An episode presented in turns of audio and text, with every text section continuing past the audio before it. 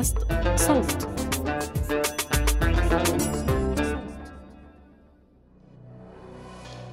سجن جديد شديد الحراسة أكثر أمانا من بنك الدولة. غرفه أشبه بالخزنات وكل خزنة وزنها عشرات الأطنان أكثر بثلاث أضعاف من غرف السجون العادية. هيك ماكينة الإعلام الإسرائيلي وصفت سجن جلبوع لما تأسس سنة 2004 بناؤه حصين. بتحيطه الأسلاك الشائكة ومن حولها جدار مرتفع فوقه أسطوانة معدنية على الداير. في 72 كاميرا بتراقب تحركات السجناء. أرضيته لا يمكن اختراقها. نوافذه عليها قضبان مصنعة من الإسمنت والحديد وهي تركيبة غير قابلة للقطع بأي منشار. باختصار لسان حال دولة الاحتلال بوقتها كان إنه خلص. تعلمنا من الدروس السابقة لما السجناء الفلسطينيين حفروا الأنفاق وحاولوا يهربوا من السجون. اليوم بنينا سجن لا يمكن لأي كان إنه يهرب منه. بس بعد 18 سنة على الحكي وقع هروب جلبوع.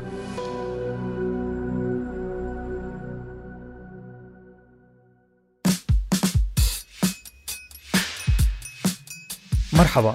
هذا بودكاست المستجد وأنا محمود الخواجة. في المستجد ما بنحكي أخبار بس بنحكي عن الأخبار عن التفاصيل الضايعة وراء زحمة العناوين. رح نحكي اليوم عن الهروب اللي نفذه ست أسرى فلسطينيين من سجن جلبوع عبر النفق اللي حفروه بأبسط الأدوات.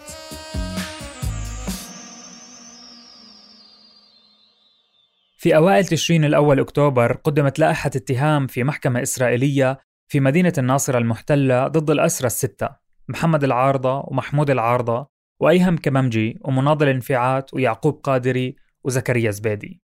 المحكمة نظمت عبر اتصال فيديو شفنا فيه الأسرى الستة منفصلين عن بعضهم وعم بيرفعوا إشارة النصر.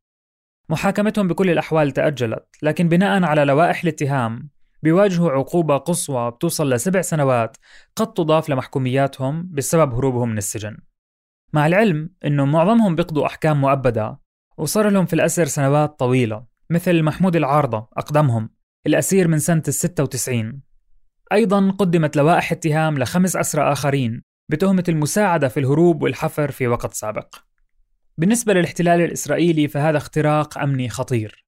تعرضت بسببه سلطات السجون للوم كبير وانتقادات سمعناها في الإعلام الإسرائيلي إنه ولو كيف يعني ست أسرى بهربوا أمام عيونكم زي السحر. قبل هروب جلبوع رجعت قضية الأسرى الفلسطينيين للواجهة مع المطالبات الفلسطينية والدولية بالإفراج الفوري عن الأسيرة الحامل أنهار الديك اللي كان موعد ولادتها عم بقرب والتخوفات من إنها تولد أثناء الأسر عم بتزيد. وهذا بيعني إنها كان ممكن تولد وهي مقيدة على سرير المستشفى مع احتمال إنه طفلها حيعيش داخل السجن حتى تنهي أمه محكوميتها. بكل الأحوال أفرج عن أنهار الديك وأنجبت طفلها خارج السجن. في كمان قضية الأسيرة إسراء الجعابيس اللي وقع حريق في سيارتها قرب حاجز الاحتلال الإسرائيلي سنة 2015 أصيبت بسببه بحروق في جسمها ووجهها وخسرت ثمان أصابع من إيديها. إسراء أسرت بوقتها بتهمة محاولة قتل جنود إسرائيليين. قصتها تعتبر الأكثر مأساوية بين الأسيرات الفلسطينيات.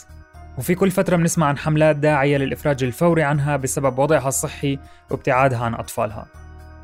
خلال هذا الحكي هرب الأسرى الستة من جلبوع ورجعت وسائل الإعلام العربية والدولية تذكر بالمعلومات الأساسية حول قضية الأسرى الفلسطينيين.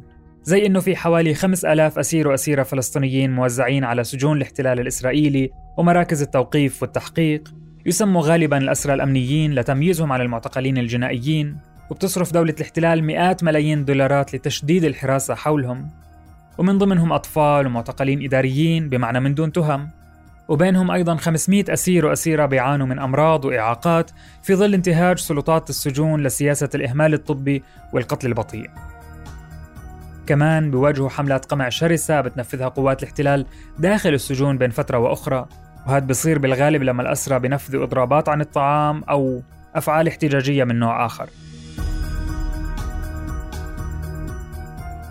السما يدوب يشوفوها من وراء شباك الساحة الخارجية. أهاليهم ما بيشوفوهم غير من وراء حاجز زجاجي في وقت الزيارة. يعني باختصار سنين من عمرهم عم تندفع في ظل هاي الظروف السيئة كثمن لنضالهم ضد الاحتلال. ولأنه ما في إشي يخسروه مش غريب يفكر عدد من الأسرى من أصحاب الأحكام العالية بالمخاطرة والهروب عشان يعيشوا أيام معدودة من الحرية.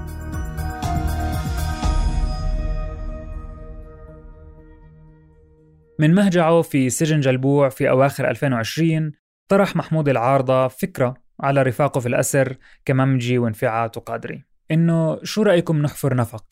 ونهرب. نفق من سجن جلبوع؟ بكل الأحوال وافقوا على الفكرة. وقرروا خلع بلاطة من حمام المهجع وبدأوا الحفر تحتها بأبسط الأدوات المتوفرة عندهم. قلم مربوط بقطعة معدنية إيد علاقة ملابس هذا اللي متوفر عندهم في ظل منع إدارات السجون إدخال الأدوات الحادة وما شبهها لغرف الأسرى استمر العمل على فتح النفق أشهر. تناوبوا عليه. وساعدهم في أسرى آخرين اجتمعوا معهم بنفس الغرفة ولكنهم نقلوا لغرف أخرى بفترات مختلفة وما حالفهم الحظ بخوض مغامرة الهرب حتى نهايتها. بمعنى إنه مش كل اللي ساهم في حفر النفق هرب منه. المهم كانت خطة الأسرى إنهم يهربوا في منتصف أيلول سبتمبر. لكن في الليلة اللي سبقت الهروب الفعلي لاحظ أحد السجانين وجود وحل قريب من مكان الحفر. وحكى لهم إنه رح يرجع يفحص السبب وهذا بيعني إنه أشهر من الحفر ممكن تضيع سدى. لكن بعد خروجه بكم ساعة في فجر 6 أيلول سبتمبر 2021 ما كانش في خيار للأسرى إلا إنهم ينفذوا هروبهم بلحظتها قبل اكتشاف النفق.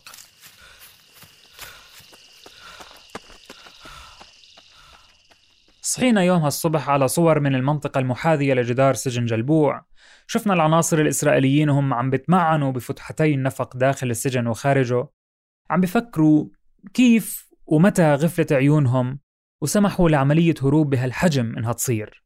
حتى الأسرى المحررين اللي سبقوا خاضوا تجربة الاعتقال في جلبوع. كانوا في حالة صدمة لما سمعوا الأخبار. بالنسبة لهم هاي معجزة. صاروا يتخيلوا إنه طب شو الأدوات اللي ممكن يستخدموها للحفر؟ وكمان لأنه السجانين بيعملوا تعداد للأسرى ثلاث مرات يوميا وهذا بيعني زيارة كل المهاجع والتأكد من رؤية كل أسير واقف على رجليه. فهون بتساءلوا إنه متى لحقوا يتناوبوا على الحفر؟ غير عن طرق السجانين على الجدران والأرضيات مرتين باليوم.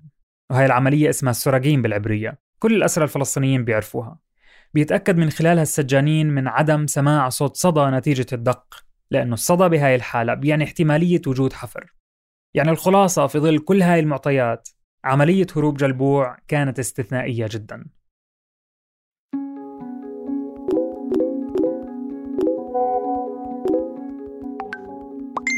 الفلسطينيين لما سمعوا الأخبار غمرهم شعور بانتصار جديد.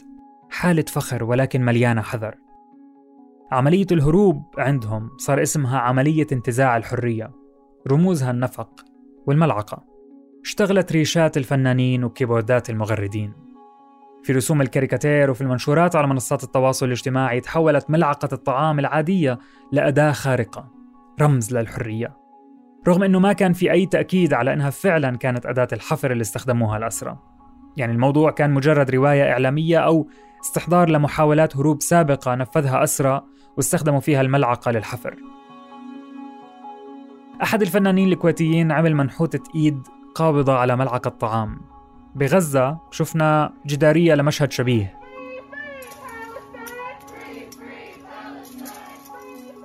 في الولايات المتحدة الأمريكية مثلا نظم مجموعة ناشطين مظاهرة مناهضة للاحتلال ومنادية بحرية الأسرى ألقوا خلالها مئات الملاعق أمام السفارة الإسرائيلية. على تويتر حساب ويكيبيديا العربية غرد بعد يوم من الهروب تعرف الملعقة في اللهجة الجزائرية باسم المغرفة وفي اللهجة العراقية باسم الخاشوقة في الكويتية القفشة في الليبية الكاشيك وفي المصرية المعلقة. وهي أداة تستخدم في الأغلب في تناول الطعام. من يعرف استخداما آخر للملعقة فليخبرنا. رامي عبدو رئيس المرصد الأورو متوسطي لحقوق الإنسان غرد تعليقا على توظيف الملعقة كرمز. يبدع الفلسطيني المقاوم في ترميز معاركه النضالية من الحجر والماء والملح ومفتاح العودة إلى الملعقة. الترميز يسهل التعبير عن القضايا الكبرى ويختزل التعقيدات وينقلها إلى فضاءات التفاعل الجماهيري الأوسع. أخيرا وإلى جانب جزئية الملعقة حساب أغاني سبيستون على تويتر استحضر أغنية رسوم متحركة قديم اسمه عهد الأصدقاء اللي كلماتها بتحكي عن الأضواء اللي بتهدينا إياها الحياة في آخر النفق. وتهدينا الحياة أضواء في آخر النفق تدعونا كي ننسى ألما عشنا. نستسلم لكن لا ما دمنا أحياء نرزق. ما دام الأمل طريقا فسنحيا. لكن هاي المشاعر الفياضة كانت عم تتحول لقلق. لما طالت فترة اختفاء الأسرى عن الأنظار وتكثف معها استنفار الاحتلال بكل أجهزته الأمنية.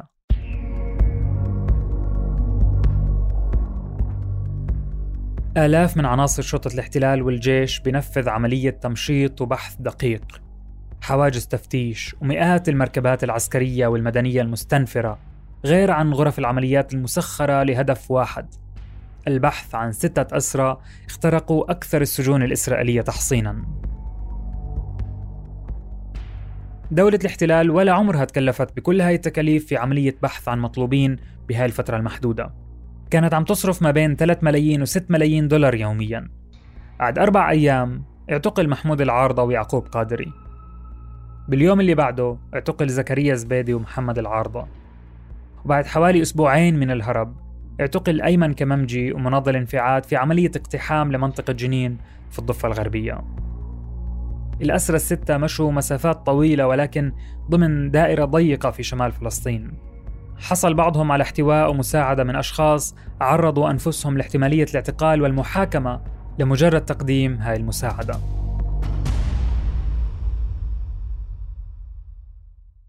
إضافة للعقوبات اللي كانت عم تستنى الأسرى الستة لحين إعادة اعتقالهم نفذت سلطات الاحتلال إجراءات عقابية بحق الأسرى عموما من اقتحامات السجون وعمليات نقل الأسرى الواسعة من سجون لأخرى والأهم التهديد بفصل أسرى حركة الجهاد الإسلامي عن بعضهم وبالتالي تفتيت قوتهم داخل السجن كون خمسة من الأسرى الستة بينتموا لحركة الجهاد الإسلامي. كلها إجراءات واجهها الأسرى بالرفض والتهديد بالإضراب عن الطعام وإحراق الزنازين.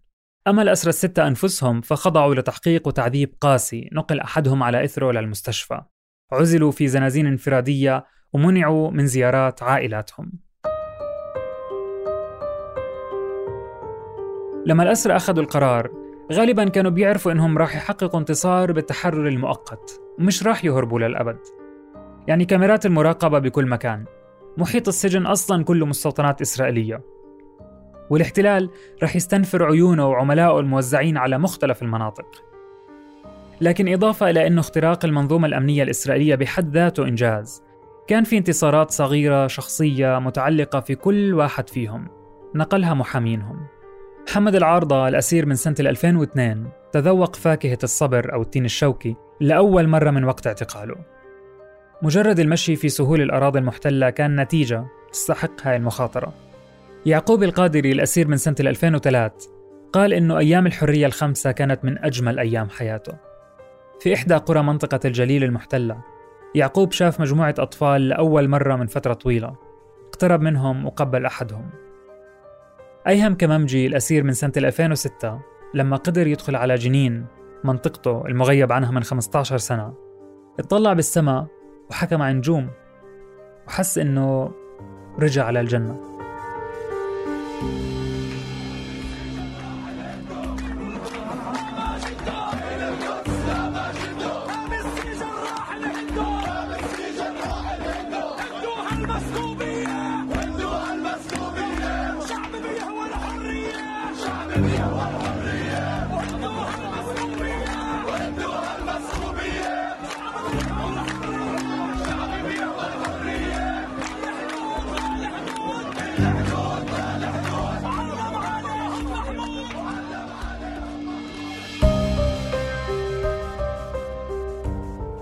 كنت معكم من الكتابة والتقديم محمود الخواجة من البحث شادي عبد الله من التحرير عمر فارس من الهندسة الصوتية محمود أبو ندى. اشتركوا بقناة المستجد وين ما كنتوا عم تسمعوا هاي الحلقة لتوصلكم تنبيهات بالحلقات الجديدة. بودكاست المستجد من إنتاج صوت.